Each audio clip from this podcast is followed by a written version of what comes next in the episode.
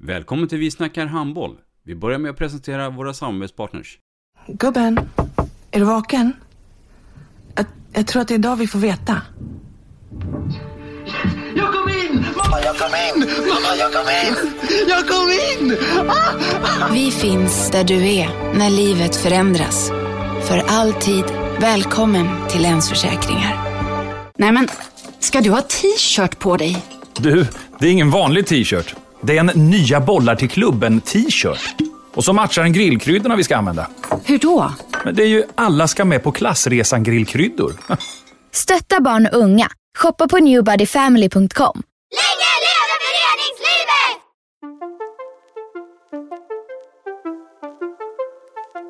Välkommen säger vi till dig som lyssnar till den bästa handbollspodden. Vi snackar handboll med Robban Z och gäster. Vi snackar handboll, där du får veta alla sanningar som du inte visste att du missat. Vi snackar handboll. Idag i programmet Vi snackar handboll så ska vi verkligen prata med en eh, handbollsspelare som har varit lite eh, skadebenägen med två korsbandsskador men är på väg tillbaka och förhoppningsvis får se henne på plan någon gång i början på 2023. Mycket, mycket varmt välkommen Olivia Mellegård. Tack så jättemycket. Lina Olivia Mellegård, född 17 juni 1996 i Göteborg. Vem är det? Ta oss nu från början. Då menar jag från början. Från början.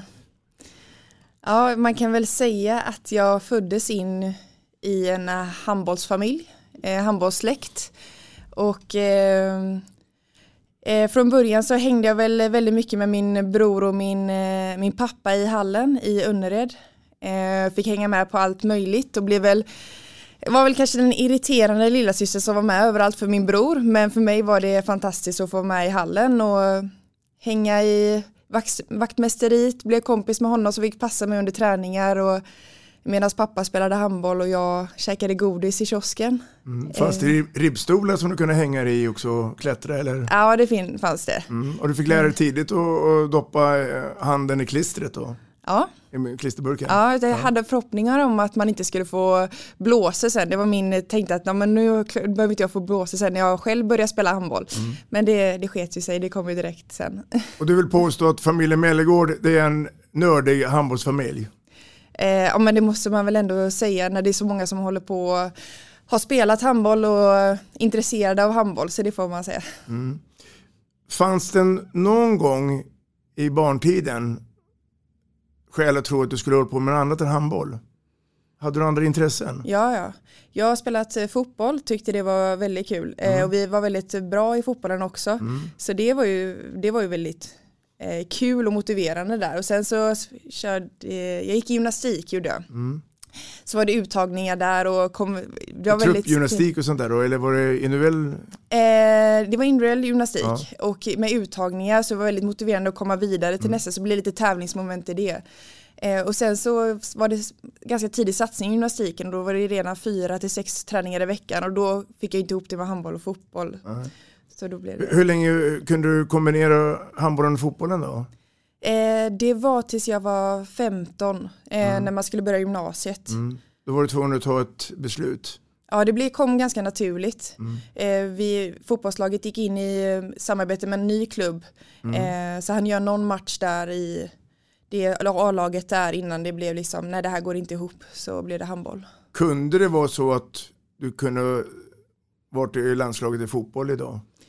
Om du hade fortsatt?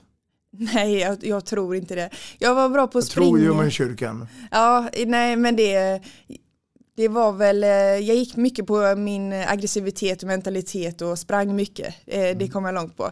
Tekniska biten tycker jag blir bättre det senare nu på fotbollsuppvärmningar men jag tror inte det är direkt så. Nej. Olivia som skolelev, mm. var du Guds bästa barn av eh, fröknarna? Eh, ordningsam, eh, gjorde det jag skulle. Eh, så ja, det kanske jag var. Mm. Mm. Kände du det att det, var, att det var viktigt att ha de egenskaperna eller, eller är det något naturligt bara som har kommit? Ja, det är någonting som jag nog alltid har kommit, vad det än gäller, om det gäller träningsupplägg eller om det gäller skola så eh, gillar jag att göra det ordentligt. Jag gillar liksom att få saker gjort. Um, så det är väl någonting som hängt med mig sen skolan. Det var, gällde tidigt att planera min tid. Mm. Och det har väl någonstans format mig till den jag är idag och därför jag, lägger upp min vardag så som jag har idag, att jag pluggar vid sidan om. Mm. Mm. Vi kommer i ett läge där um, du går ut i grundskolan mm. och sen så är det dags att uh, ta beslut på gymnasiet. Mm. Hur gick de tankarna vid den tiden? Eh, ja du, det var väldigt, eh, jag var på många olika gymnasier skulle se liksom vart jag skulle hamna. Eh, så gick jag på en sån handbollsupptagning till Katrinelund. Mm. Eh, det kändes nästan som, det var flera som skulle göra det så jag, det skulle jag också göra. Eh, men visste inte riktigt eh, om det var det som jag skulle välja. men när jag blev uttagen så föll det ganska naturligt att ja, men då om jag kommer in här då ska jag gå här liksom. Mm. Men eh, jag funderar på att gå den det var en brandlinje på Katrinelund mm. som jag mm. funderade på men mm. så fick man inte ihop det med handbollen så det var väldigt blandat, visste inte riktigt vad jag skulle. Nej. Och, och eh, innan uttagningen av eh, eh, handbollsgymnasiet mm. så har du ju hunnit spela massa matcher, mm. ungdomsmatcher, kupper, mycket, mycket. Och jag tänker på Sverigecupen också då. Mm. Det är minnet därifrån då, från den tiden med, med, distriktslaget. Då heter man ju, idag heter man ju Handboll Väst. Då, då heter man ju Göteborg. Ja. Eh, vad har du för minnen från den tiden? Eh, ja, det kommer jag ihåg att det var, då var det väldigt stort när man var i den åldern och man mm. skulle liksom ville så gärna åka på den här Sverigekuppen då vad det innebar att man kunde bli uttagen till eh, gymnasie och nästa riksläger och sånt. Eh, men eh, då hade inte jag hunnit växa så mycket. Jag var nio meter i laget och mm. hade alltid spelat nio meter. Men jag kommer ihåg att jag kom till distriktslagets träning då och så sa tränaren till mig så här att här får du inte plats på nio meter och att jag var lite för kort för att, om jag skulle kunna komma med i laget till Sverigecupen. Så mm. då blev det att jag gick ner på kanten. Han tyckte att det passades bättre där. Så mm, det var väl första gången jag fick en annan roll på planen, liksom att jag var kantspelare då. Mm. Moderklubben är Önnered. Mm. Um, och det blev ju någon form av bollskola mm. uh, verksamhet. Minns du den tiden?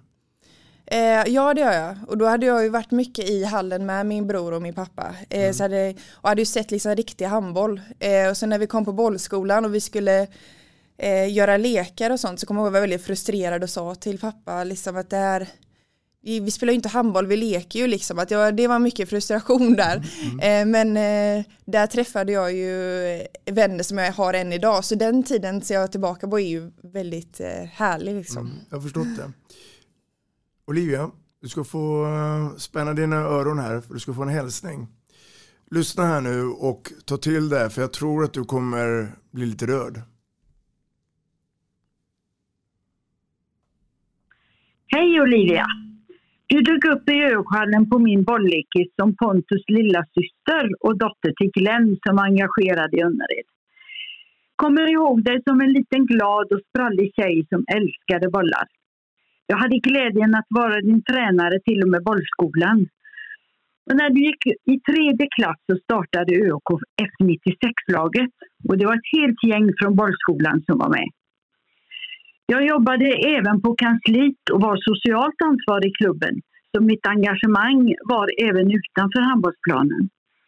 Har alltså haft glädjen att följa dig både på och utanför planen. Den utveckling du har fått under din karriär har varit fantastisk, trots många skador. Som person har du varit ödmjuk och snäll som sett till att alla haft det bra. Ett fint minne som jag har är när du och några tjejer från F96-laget kom till mig på kansliet med det jättestora fotot på laget som sista års juniorer. Tusen tack! Och tack för alla kramar jag fått när vi ses. Jag är så glad att få lära, ha fått lära känna dig och dina kompisar under era ungdomsår. Av hela mitt hjärta önskar jag dig allt gott i framtiden, både på och utanför planen. Massor av kramar från Bolliva i Önnered. Mm. Vad säger man Olivia? Nej men det är fint. Eh, det var ju Evas bollskola eh, som alla i klubben någon gång har gått liksom. Och det var liksom Eva som eh, var alltid varit viktig för Önnered liksom. Så eh, nej, det var fint. Det var härligt att höra hennes röst. Ödmjuk och snäll, säger hon. Mm. Det är många som säger om dig. Mm. Vilken härlig egenskap. Ja, men det är väl lite så som jag är, ja. Mm. När, när blir du arg då? Ehm, ja, men jag kan bli arg, på handbollsplan kan jag bli arg men kanske inte eh, agerar utåt liksom Mm. verbalt men kan ändå ha det inom mig och agerat mer liksom i, i beteende. Mm. Eller använder du hellre ordet frustration? Ja. Eller frustrerad? Det kan man, ja. Mm, jag förstår kan det. Du, ehm, Önnered Mm. och flickor 96. Vilken härlig årgång. Mm, det Berätta var- lite grann. Ja, men det var ett fantastiskt gäng. Eh, det var en stor, eh, det var, vi var många i den årgången. Vi fick dela upp träningar så vi var liksom två träningsgrupper. Det var så många som ville vara med och eh, hade kul tillsammans. Eh, sen så var vi ett lag som till en början liksom delade upp så att vi hade ingen vi toppade inte så tidigt, eh, vilket jag tror gjorde att vi var en så pass stor grupp. Eh, och sen så eh, när det började, när man blev lite äldre så började vi fokusera kanske lite mer på resultat men fick ändå med gruppen väldigt länge. Eh, tycker att man inte tappade för många spelare. Eh, och eh, nej men hade, nu var det min pappa som var tränare ihop med Peter Larsson heter han och eh, Karlberg. Mm, Lennart. Ja. Mm. Och min farbror Sören Gustafsson. Mm. Så det var, det var, jag tycker vi hade liksom en bra ledarstab och även Mikael Sigler. Så det var flera i laget som hade liksom föräldrar som hade tidigare spelat handboll och det tror jag Är det en förklaring tror du till att ni blev och är, och är fortfarande så pass bra? Eh, Ja men det tror jag på något sätt att man kan väl, man har väl sett flera exempel på där föräldrar har spelat handboll och så kommer det Ja, deras döttrar eller söner blir också engagerade i handboll och blir duktiga på det. Så det måste väl finnas någonting som har med det att göra. Sen hade vi tur att det var då flera föräldrar som ville engagera sig och eh, hade hållit på med handboll innan. Ett parallellspår då till den tiden som vi var inne på tidigare, det var ju Sverigecupen. Mm. Väl där, uppe i Katrineholm, Mm. eh, den klassiska hallen, Duveholmshallen med alla Mm. hallar och den här korridoren i mitten där och trångt som tusan. Ja. Ehm, de, här- de minnena då, från matcherna och det, Mm. kommer de fram ibland? Ja, men jag kommer faktiskt ihåg när, man, eh, när vi gick in där, man visste inte vad man skulle förvänta sig heller då. Att vi var första gången när man åkte på en sån här uttagning där det var ett, liksom ett lag som skulle prestera ihop liksom. Eh, Ett nytt lag som inte var ens klubblag och jag kommer ihåg när man gick in där att det var liksom, var det tre eller fyra platser som var reserverade. Här kommer det sittas folk från, eh, om det var, om en, Handbollsförbundet. Ja, handbollsförbundet och det blev liksom på ett annat sätt att Jaha, nu gäller det någonting, nu är det någonting annat mer än att vi ska, alltså det var en uttagning på något annat vis. Ehm, så det kommer jag ihåg att var liksom en första Vad- gången. Han du bli nervös då? Eller, eller, för jag- jag vet att det är många som, som har sagt det, att man åker upp och ser spänningar och folk ska titta på mig och, Mm. och där sitter ungefär som tjuren Ferdinand. Ja men lite så med sina block och skriver såklart var man nervös för det och eh, man vill ju in på, ja, men in på nästan riksläger och in på skola och sådär så det är klart man var nervös. Den här årgången då, 96 från Ystad till Kiruna. Mm. Vill du betrakta det som en bra årgång i Sverige? Ja den eh, skulle jag säga var väldigt bra. Mm. Mm. Brukar du jämföra med några andra årgångar? Nej men jag tyckte, var, det var ju också när vi första året där när vi samlades och skulle spela vårt första EM, eh, då blev det ju en väldig fullträff. Och eh, då förstod jag det som att det var första gången eh, ett flicklag hade vunnit eh, EM. EM ja. ja. Sen var 92orna bra och vunnit VM men att vi var eh, hade Det kom ju första. efter. Ja, Mm, det är rätt. Jag har eh, också tänkt på det faktiskt. Jag Mm. misstänkte du skulle ta upp det i, här i podden. Men det stämmer ju det. Vi, vi kommer till den eh, lite senare där med, Mm. eh, med landslaget. Här då. Ehm, och i takt då med att Sverigecupen avslutades, man väntade på det här brevet, kommer man med eller inte på riksläger, Mm. eh, vilket du gjorde. Ehm, resan där sen då, när du fick det här bekräftelset att jag ska vara med på riksläger, hur Eh, tänkte du då? Ja, det tänkte jag.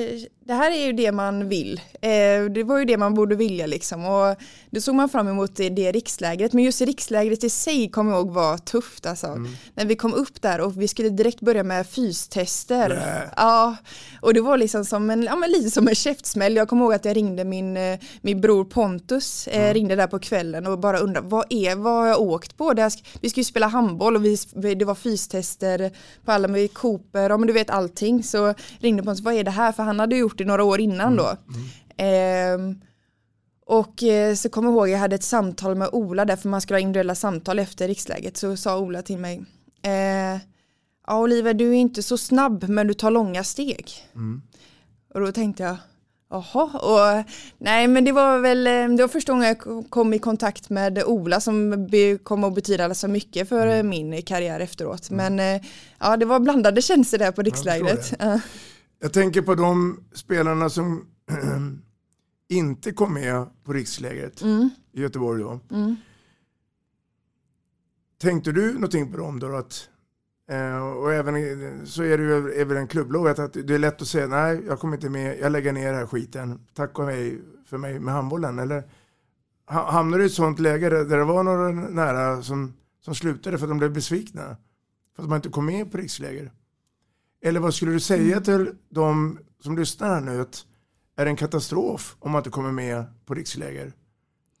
Eh, jag tycker nu, just nu som man, när man kan prata det som man kan dela sina erfarenheter, jag tycker det blir, mm. blir mer öppet, att eh, man kan se fler exempel som inte har varit med på de här stegen som ändå har kommit eh, ja, men dit som jag, de flesta vill, liksom till toppen och eh, så nu, då upplevde jag att det inte fanns någon som hade pratat riktigt om att eh, det, eh, det var nästan det som var, okej okay, men jag måste ta det här steget, jag måste komma med här för att det ska gå bra för mig, att man ska kunna eh, komma till nästa steg. Men mm. idag tycker jag att det pratas uppe, men det finns fler exempel på att eh, när någon kommer med i landslaget och visar att ja, han, han, inte, han eller hon var inte med på något eh, riksläger eller sånt. Så det tror jag är viktigt att dra upp för mm. man, att man, när man selekterar så tidigt så om man tappar så finns det ju risk över att någon som när man, så som jag var när jag var 15 så var jag inte så lång eller så Nej. stark liksom. Att man, man växer olika och man utvecklas olika. Mm. Mm.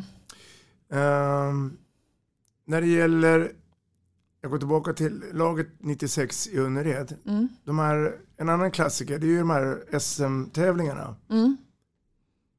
18, 16 eller 15, ja, 15, 17, 19. Men, men hur, hur ehm, hur var de då? då? Trissade man upp det där för mycket tycker du? Med facit i handen eller? Eh, nej, alltså det var, kom ihåg, det var ju det roligaste mm. som hände på säsongen. Mm. När det var de här SM-stegen. Och få åka och möta andra lag. Ja, ja. Mm. Det var eh, riktigt, eh, ja men det, det minns har jag bara bra minne från. Att det var så himla roligt och att eh, det var ju det vi, man tränade för liksom. Mm. Att, eh, resultatmässigt då, minns du hur det gick? Eh, ja, det minns jag väl. Sista års A-flicka så vann vi SM-guld och då kommer jag ihåg att vi mötte Skånela mm. i finalen. Eh, bland annat då Emma Fernis och Filippa Sarenbrant kommer jag ihåg väldigt tydligt. Eh, andra året, då gick det inte så bra. Eh, och då kommer jag ihåg att jag hade stämbandsinflammation och jag hade feber men jag ville ändå så himla gärna möta Sävehof mm. eh, på söndag morgon. Så jag spelade den och sen var jag sjuk i två veckor efter. men, du ångrar dig då? ja. Då kanske jag ångrar mig. Men, eh, ja. Um, ja, tiden rullar ju på där och uh, du hinner ju med att spela seniorhandboll med mm. Önnered. Uh, och sen tar du ju ett ytterligare steg. Men innan vi går in i den skedet så ska du få en hälsning här. Mm. Från en mycket, mycket, mycket nära vän. Lyssna här nu. Hej Olivia! Hoppas du och Robban kommer att ha en trevlig pratstund. Här kommer en hälsning från eh, mig, din pappa.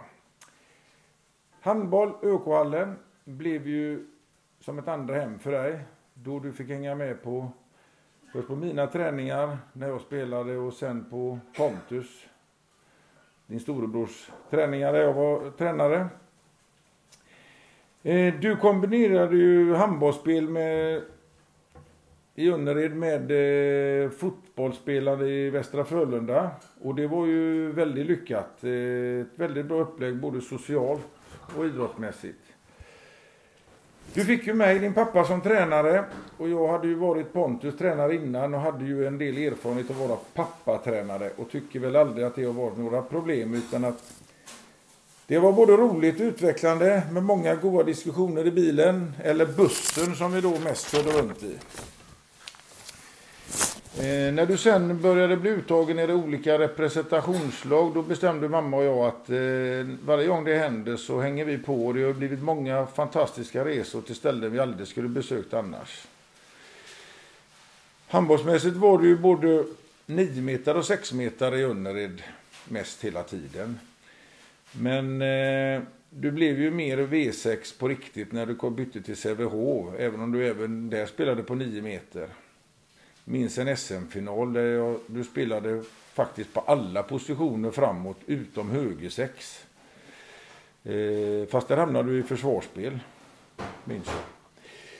Sen eh, så blev du vidare till Köpenhamn, tre säsonger. Och där har du kombinerat eh, handbollsspelande med studier på Högskolan i Halmstad. Och där du även tagit din kandidatexamen. Och nu är du tillbaka i Göteborg och kombinerar handboll med fortsatta studier på Göteborgs universitet. Men framförallt är det ju som hur du är som person, omtänksam, bryr sig om andra. Och sen hur du har tacklat eh, framgångar men även motgångar i dina dubbla karriärer som du har kört på. Det gör en förälder väldigt, väldigt stolt. Så ha det gott så syns vi strax. Hej då! Mm, pappa Glenn. Mm. Man blir lite rörd. Ja men det blir man. Mm.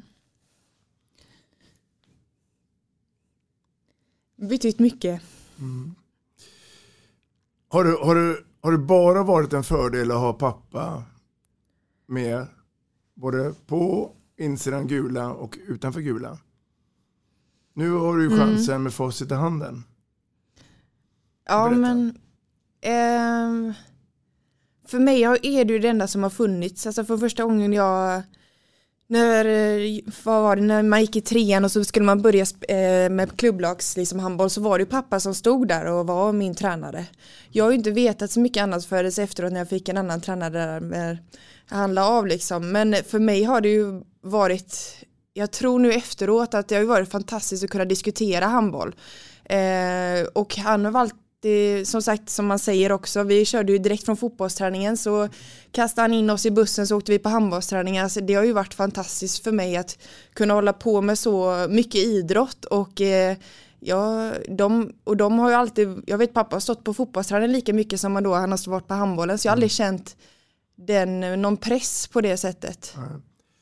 Tror du att du har haft fördelar med att, att han har varit ledare och tränare, att du har fått mer speltid än, någon annan? Eller var, var han hård mot dig?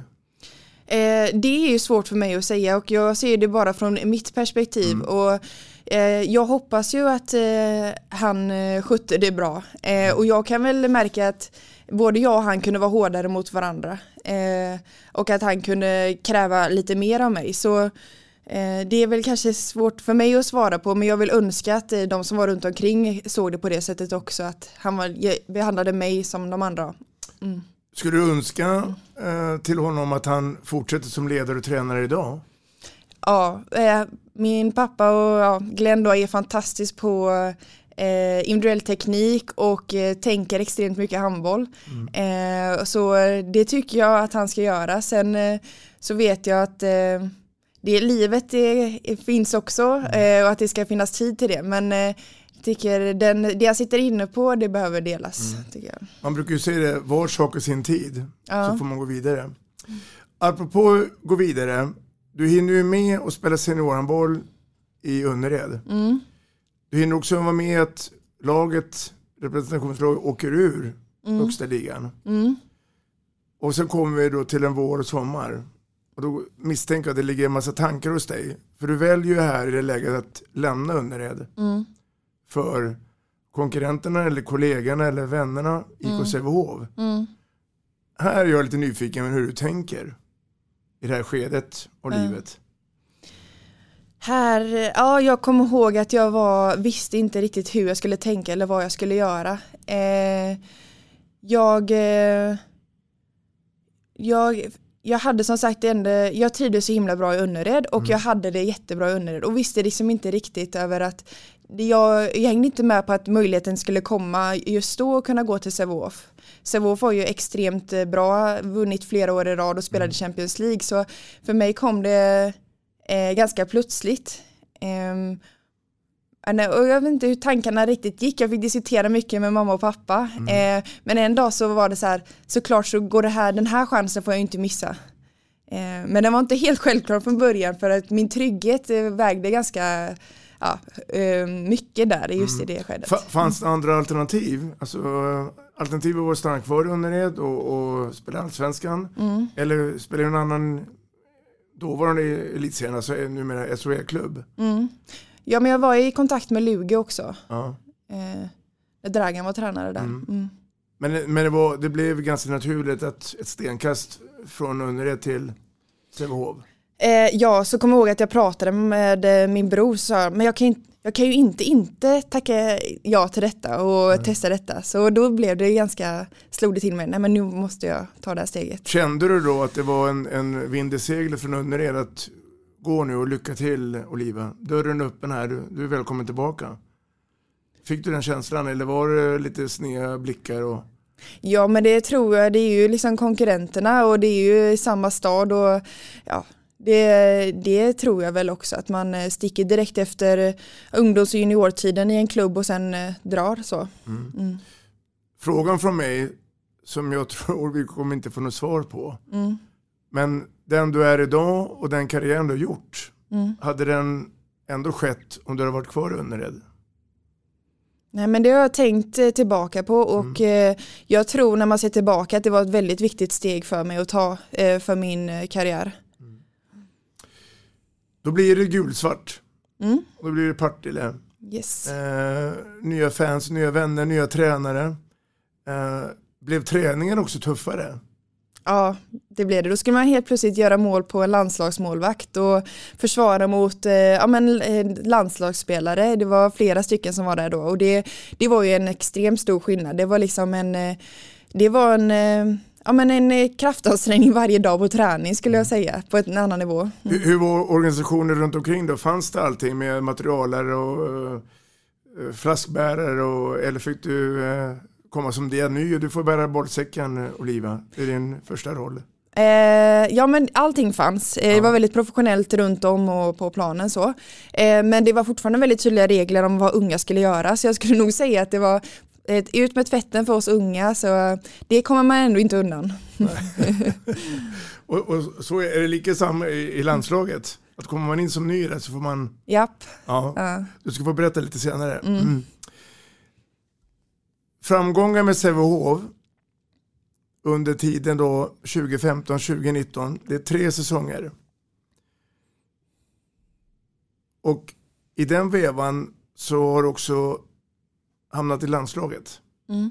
Eh, För du är med där 2016. Men jag tänker mig då,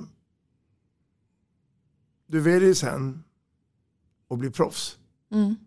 För jag vet inte om du vill säga att du var proffs i Sävehof. Kanske lite annat skillnad. Mm.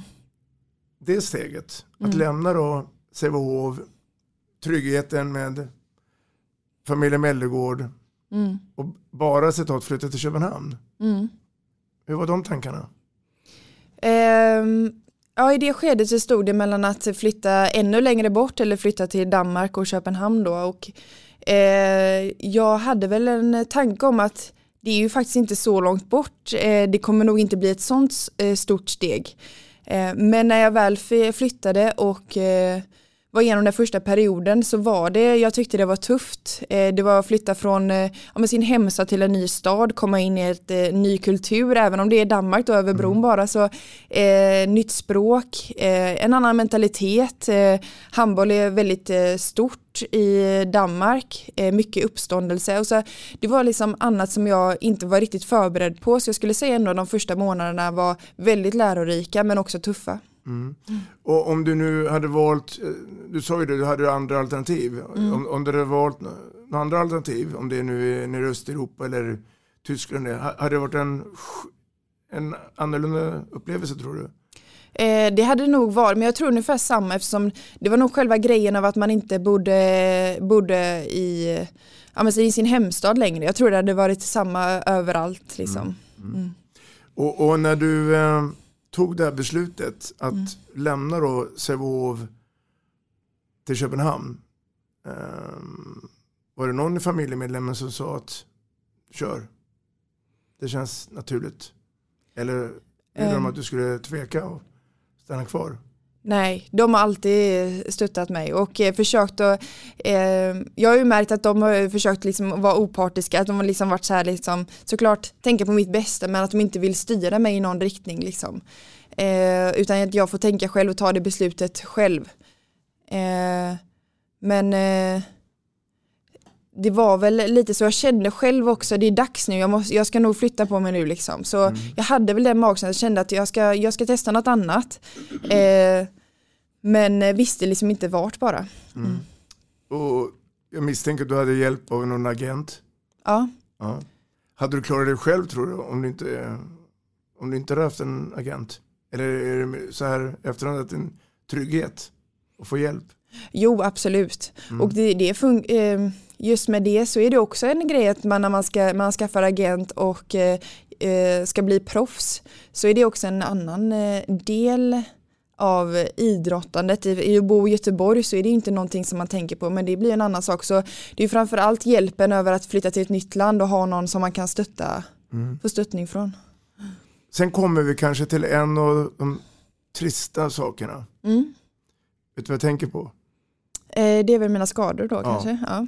Och då är det perfekt att du får berätta själv. Ja. Korsbandsskada Mm. är inget roligt. Nej. Men du har blivit drabbad. Ja. Berätta för oss hur allt har gått till. Eh, jo men första eh, skadan skedde ju efter eh, coronauppehållet. Det var alltså 2020 vi hade i februari eller mars där så sa de att vi eh, serien upphör och vi skickades hem. Eh, Vi kommer tillbaka i juli och börjar träna igen. Man har, vi har inte tränat handboll, vi har tränat på egen hand fram tills dess. Eh, och eh, vi spelar ganska mycket matcher för att komma igång i matchtempot och så är det en kuppmatch. Vi möter eh, Roskilde borta och vi leder med 15 och det är för 10 minuter kvar. Eh, och jag gör en kon, jag säger till bunsen, du nu kastar på mig nu för jag känner nu, nu vill jag liksom kontra. Jag har precis kommit in liksom eh, igen och eh, eh, gör en, eh, ja, en vanlig ko- kontring, eh, ser att eh, bollen går in och blir glad men när jag sätter ner benet så känner jag hur benet viker sig, viker sig inåt. Och sen att det inte hänger med med eh, mitt, eh, ja men smalben hänger inte med med lårbenet. Eh, och får fullständig panik. Där minns jag inte riktigt, eh, där, för mig tar det så himla lång tid från att jag får hjälp där. Eh, och jag har ju sett bilder efteråt att jag hör bara skrik och att jag bankar hårt i golvet och, och bara ja, väntar på att någon ska hjälpa Vad, vad mig. är det för typ av smärta? då? Är det hugger eller är det ilar det eller? För många Ja. skriker ju. Det har man ju hört och sett. Och... För mig var det att jag blev så himla, jag, jag vågade inte kolla på benet för jag visste liksom vad är det som har hänt för min känsla är ju att benet inte hänger ihop. Så jag vågade liksom inte kolla så det, för mig är det nog inte smärtan i sig, det är att det är så läskigt och att eh, det är mer den som jag skriker för att jag har panik liksom. och då är det bara att kliva av.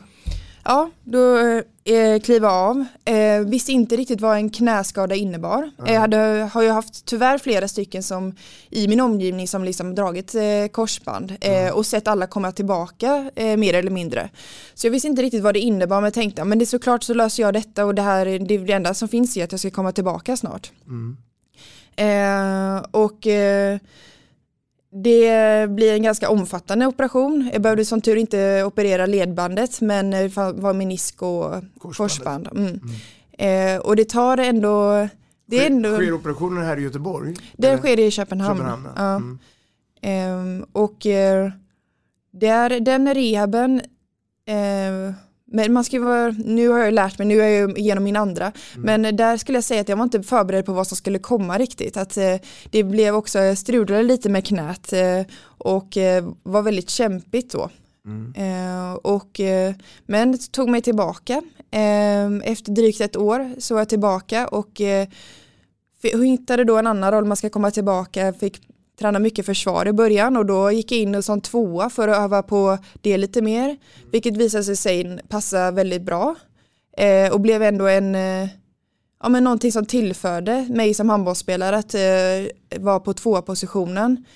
Eh, en del av utvecklingen. Precis, mm, att det var något att fokusera på. Mm. Mm. Den här lilla, eh, som många säger, Mellegård blev helt plötsligt en stor där. För där är, är ju, tror jag, mångas starka minnet eh, vilket försvarsspel du gör idag som tvåa mm. bakåt. Du, ehm, mm. eh, resten av tiden med Köpenhamn då? Ja men sen så kommer jag tillbaka där och tillbaka drygt fem månader eh, innan oturen är framme igen. När jag ska, då är jag nio meter och ska göra ett genombrott och eh, får en liten knuff som innebär att mitt eh, andra knä viker sig.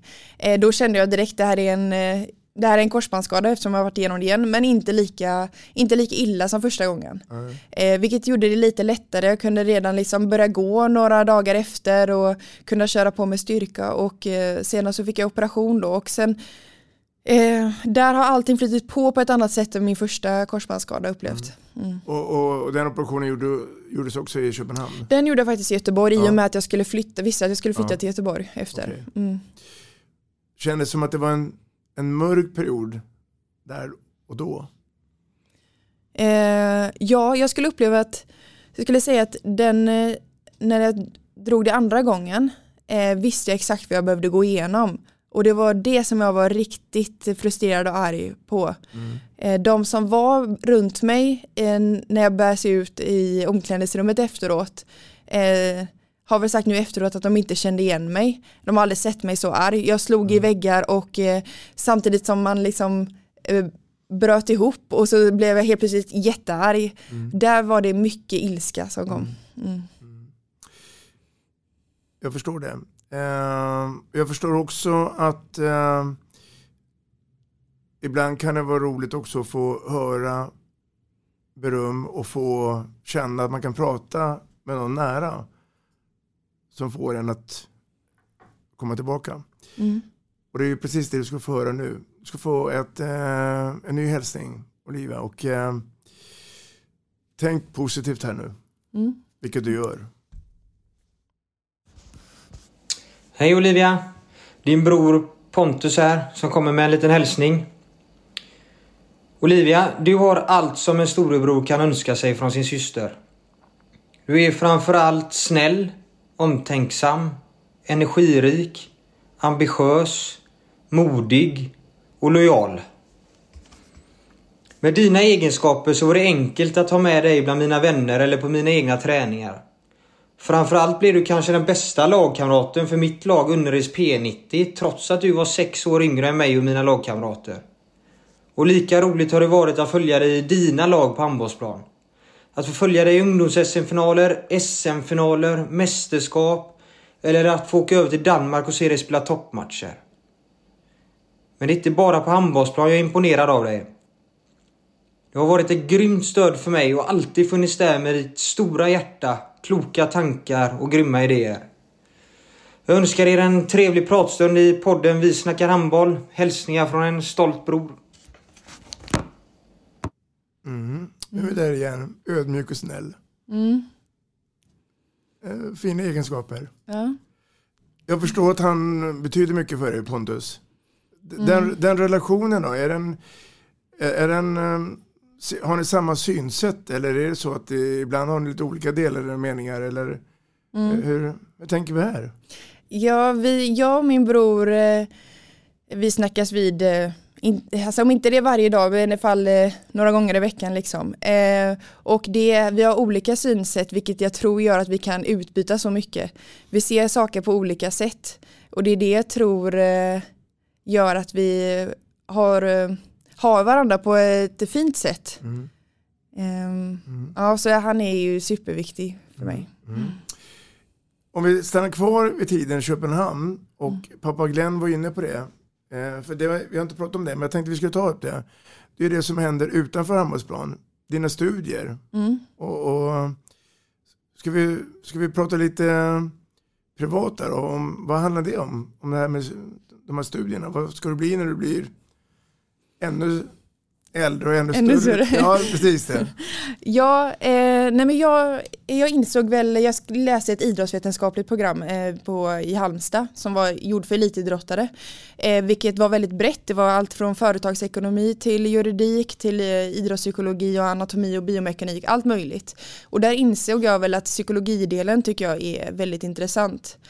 Eh, Så efter det så har jag nischat in mer på eh, den psykologiska biten. Eh, Så nu läser jag en grundkurs i psykologi och vill ta en kandidat i det. Eh, Och i det har väl att göra med att jag tycker det är så intressant att ha, inte och ha, utvecklas på ett annat plan. Handbollen är, kan man utvecklas på men för mig att bara eh, ha det att fokusera på eh, inte tillräckligt stimulerande. Jag vill gärna känna att jag kan koppla på och koppla av eh, liksom den knappen och det gör jag via studier. Mm. Funkar det bra? Eh, ja det funkar bra. Mm. Och det krävs en satans självdisciplin. Det gör det. Eh, och eh, så vissa perioder är kämpigare än andra. Så det gäller att vara snäll mot sig själv och säga att det, du behöver inte prestera på topp i allting.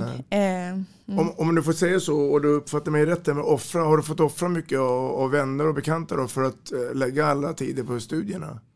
Mm. Eller, eller har ni med att vara den goda snälla Olivia och, och gå på stan? Ja men det, det känner jag väl ändå att jag har fått göra men samtidigt så har jag nog eh, fått offra mer än om man inte hade spelat handboll men det kom också ganska tidigt eh, varenda sommar när man åkte på ungdomsmästerskap så när andra kompisar åkte på eh, ja, resor ihop och hittade på annat på sommaren så åkte man och spelade handboll så det har väl, eh, det var väl någonting som man har gjort i så många år som jag inte nu tänker på så mycket utan det är, nu, är det, nu är det mitt eh, jobb på ett annat sätt liksom. Mm, mm. Du nämnde det att du eh, hade du bestämt dig då för att lämna Köpenhamn och flytta hem igen till Sävehof. Och nu är vi ju där och eh, vi ska snart göra entré på plan igen. Mm. Var, var det självklart att komma hem igen? Eller hade du tänkt i så fall eventuellt åka vidare i Europa och, spela proffshandboll? Eh, ja, alltså mina tankar var på båda delar, testa någonting nytt. Jag var, ju, jag var ganska klar över att eh, jag kände mig klar i Köpenhamn och i så fall om det var att testa något nytt någon annanstans eller åka till Sävehof igen. Eh, det vägde väl, jag, i och med att jag hade en skada sedan innan och visste att jag behöver prioritera min kropp på ett annat sätt. Eh, att jag behöver se till så att bli skadefri. Tyvärr blev det ju inte så. Men jag kände liksom att tryggt med att åka till Sävehof eh, med allting som innebar runt om och då spela i Europa, eh, vilket jag inte gjorde i Köpenhamn sista året. Så det var väl de delarna som vägde upp och att Sävehof då ville satsa. Mm. Och de här unga handbollsspelarna då, vare sig det är tjejer eller killar Mm. och lyssnar nu på det här. Proffs, det måste ju vara som att vara flygvärdinna. Hur häftigt som helst. Mm. Är livet så enkelt att vara proffs handbollsspelare? Eh, nej, såklart så är det ju som alla andra saker, eh, annat jobb tänker jag, så eh, är det ju motgångar och framgångar som man ska hantera. Eh, i, I de flesta fall för damhandbollsspelare så kan det innebära att du ska flytta någonstans själv till ett annat land och eh, vilket i sig tror jag också kan vara någonting som eh, är utmanande som man behöver hantera.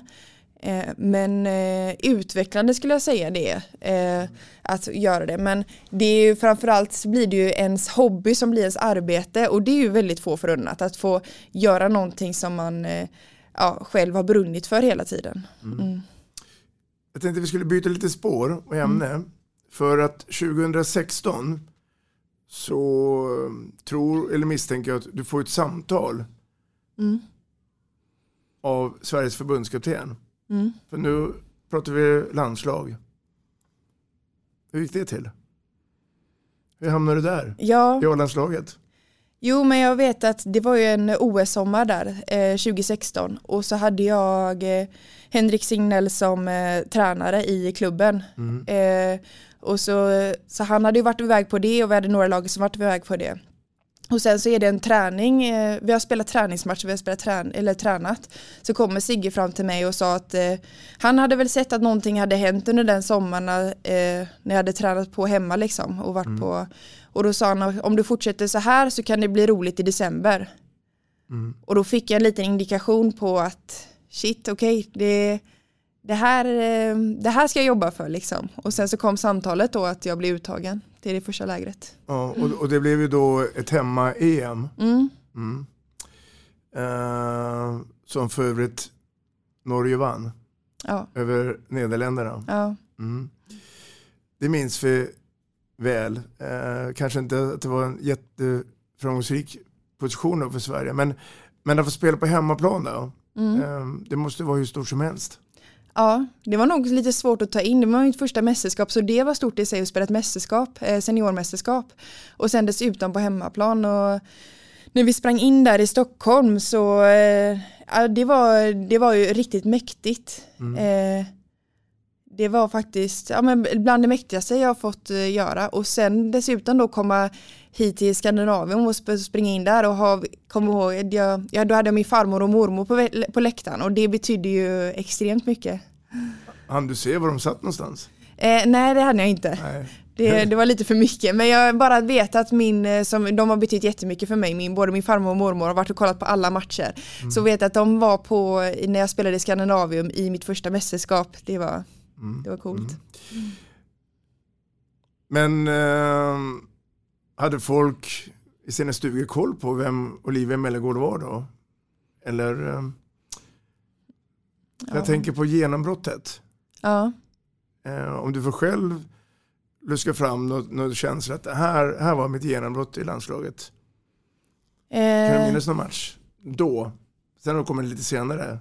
då tänker jag på året efter mer. Mm, 2017. Ja, I Tyskland. Tyskland ja. Ja. Mm. För eh, jag, då var ju Louis Sand eh, framför mig Mm. och eh, jag spelade inte så mycket och där året efter 2017 så skadade Louis sig Mm. vilket innebär jag som varit en backupplan då för, hen, eh, för honom helt plötsligt ska spela. Mm. Och det blev väl en annan roll men jag hade tänkt på förhand. Och där kände jag väl att eh, med, det, med den rollen så eh, blev det ett genombrott på ett annat sätt. Mm. Vi har ju ett otroligt starkt minne från Mm. en sekvens som jag tänker på. Jag tänker med en likhet, kanske en dum likhet, med en, en upp och nervänd skalbagge som splattrar med sina ben. Mhm. Och jag tänker på Mellegård från vänsterkanten, kvitteringen mot Norge. Mm. Och du hamnar på rygg Mm. inför tv-kameran. Ja. Har du sett den sekvensen några gånger? ja, den har jag sett. Ja. Ja. Vilken känsla, eller? Ja, det var en eh, det var en mäktig känsla och jag kommer ihåg att jag tänkte så här, det var värt det. För jag i år, ett helt år så har jag liksom eh, tränat och haft framför mig att och jag vill spela i landslaget igen. Och jag vill liksom ta mig tillbaka. Eh, och när jag får göra det målet och eh, hinner jag tänka, och så efteråt när jag springer där så tänker jag, det var exakt det här som jag har krigat för. Jag förstår det. Mm. Men den blågula resan Mm. börjar inte där. Den började tidigare. Mm. Lyssna nu Olivia, för du ska få en, eh, en hälsning till. Och vad tycker du om Olivia Mellegård? Eh, ja, just för det första vill jag säga hej Olivia, det är en av dina gamla tränare. Eh, det första minnet som jag har av dig, det är som en nio meter spelare i Önnered. Vi pratade Eh, på något riksläger om att du skulle prova på kanten och det tror jag visade sig vara rätt beslut. Eh, vår första turnering tillsammans var ett stort minne för mig.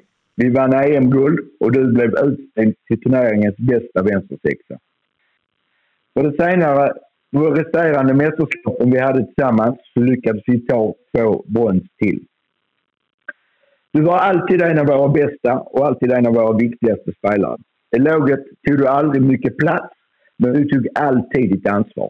Både på och utanför plan. Det var ett stort privilegium att få träna dig och att ha dig i ett lag. Och senare har, har vi mötts några gånger. Det är svårt att möta dig, för din kompetens är stor på många olika områden. Ett stort tack för att jag fick vara en del på ett litet hörn i din fina handbollsresa. Mm. Ja, det var fint.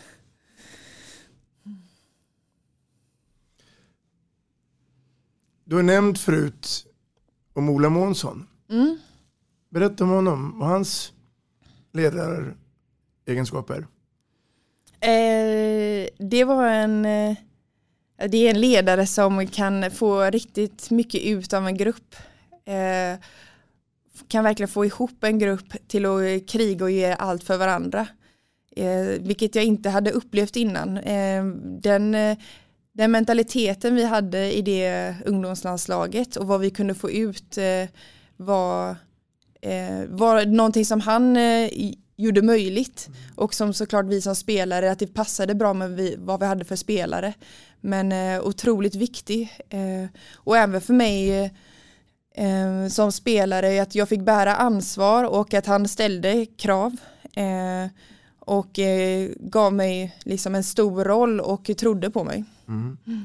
Och, och, du gillar när man ställer krav? Ja men det, det, tyck, det, tycker jag är viktigt. Jag tror man eh, om man är tydlig med det så tror jag att det kan vara en väldigt bra utvecklingsdel. Att man på något sätt eh, är medveten om vad man behöver jobba med och vad man klarar av. Liksom. Mm, mm. Och det blev ju då ett EM-guld. Eh, ni hann ju med att spela ytterligare ett mästerskap med eh, eh en brons eh, mm. med U19 2015. Och så fick du vara med och spela ungdoms-OS också. Mm. Häftigt. Ja det var, det var riktigt coolt och det var ju i Nanjing så det var en verkligen, de sa att det var samma budget som en senior-OS mm. eh, sa de som hade varit på både senior. Vilket gjorde att vi liksom fick verkligen den här OS-känslan eh, när vi var där. Ja, härligt, mm. härligt. En tid som man aldrig kommer glömma misstänker jag när det gäller de åren med ungdomslandslagen. Nej. Och en dröm och en vision som många har Eh, men för att förverkliga de här drömmar och visioner och så får du chansen att berätta nu till alla som lyssnar. Vad, vad är det man bör tänka på då som ungdomsspelare? Och den resan du har gjort. Mm. Om du skulle ge dem lite tips och råd. Jag är ju väldigt mycket för det här, någonting som eh, i en karriär ska vara hållbart och långsiktigt. Mm. Eh, det är lätt att hamna när man, som vi har pratat om, de här Eh, delarna när det är riksläge, när det är Sverigecupen, när det är nästa steg hela tiden. Det blir väldigt kortsiktigt och jag, vill, jag tycker ju att vi, att vi som nation ska ju tänka att vi ska ha med så många som möjligt så länge som möjligt. Mm. Så det är väl det jag vill framförallt lägga vikt på att kommer det inte nu så kommer det senare och håll i och få se till så att ens vardag. För jag tror om man håller i någonting på en längre sikt så kommer det ge eh, resultat. Mm, mm. Kloka ord. Mm. om några veckor, eller rätt sagt några månader, så blir det då förmodligen då en comeback mm. i Sävehof. Um, och där lär du också få kunna vara med och spela nu inför kommande slutspel. Mm. Så vet man inte om det blir final, vilket kanske är mycket troligt. Det går ju bra just nu i talande stund för Sävehof. Eh, konkurrensen där då. Eh, kan det vara så att du kommer åka in på ett bananskal och ta första platsen där eller är du beredd att kavla upp eh, kortarmarna och kämpa för eh, sin plats? Ja, man eh, kämpar för sin plats eh, och eh, för mig kommer det ju handla med kanske mer kamp om eh, med sig själv.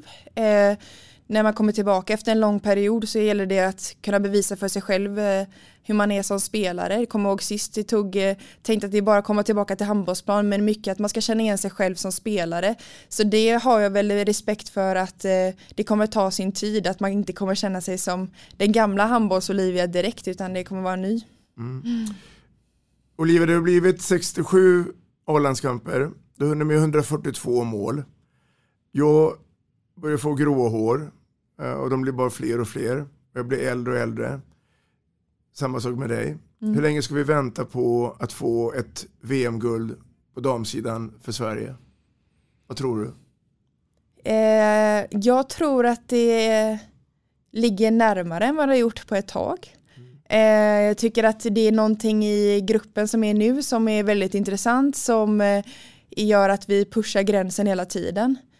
Eh, så jag tror vi kan se väldigt ljus på framtiden och sen eh, guld det är, en väldigt, det är många bra nationer mm. men jag skulle ändå se som att det finns, eh, finns där borta någonstans eh, i liksom eh, ja, men i tankarna som finns som närmare mm. kanske än vad de är. Mm. Har du haft någon dialog med Thomas Axner, Sveriges förbundskapten? Mm. Mm. Nu du tänker när jag varit ja, ja, precis. Ja. Jo men han är och eh, eh, det har vi haft. Mm. Och eh, det är väldigt viktigt för en spelare som är skadad eh, att känna den eh, dialogen och det tycker jag han är väldigt bra på. Mm. Kliar i fingrarna nu för att komma igång? Ja det gör det. Ja, jag det. ja. Visst är det häftigt att prata handboll? Mm. mm. Fantastiskt. Nu är det så här att tiden har faktiskt kommit ikapp oss. Eh, det har varit en otroligt stor ära att ha haft det här Olivia Mellegård. Jag hoppas att det är ömsesidigt. Och eh, ta vara nu på den du är och lycka till nu framöver. För att eh, drömmar och visioner kan man aldrig få för mycket av. Tack så jättemycket.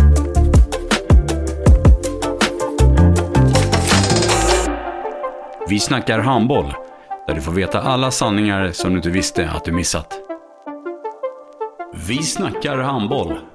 Vi snackar handboll produceras av produktionsbolaget High On Experience, från vision till passion. Ett avslutande tack till våra samarbetspartners. Hallå! Kommer ni eller? Ja, ja. Har du sett mina ankelsockar? De här? Nej, nej, jag menar skridskoslip till juniorlaget Ankelsockarna. Ja, men kolla bredvid träningsläger med handbollstjejerna-t-shirtarna. Stötta barn och unga. Shoppa på newbodyfamily.com.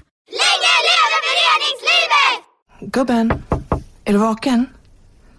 Jag, jag tror att det är idag vi får veta. Jag kom in! Mamma, jag kom in! Mamma, jag kom in! Jag kom in! Ah! Vi finns där du är när livet förändras. För alltid välkommen till Länsförsäkringar.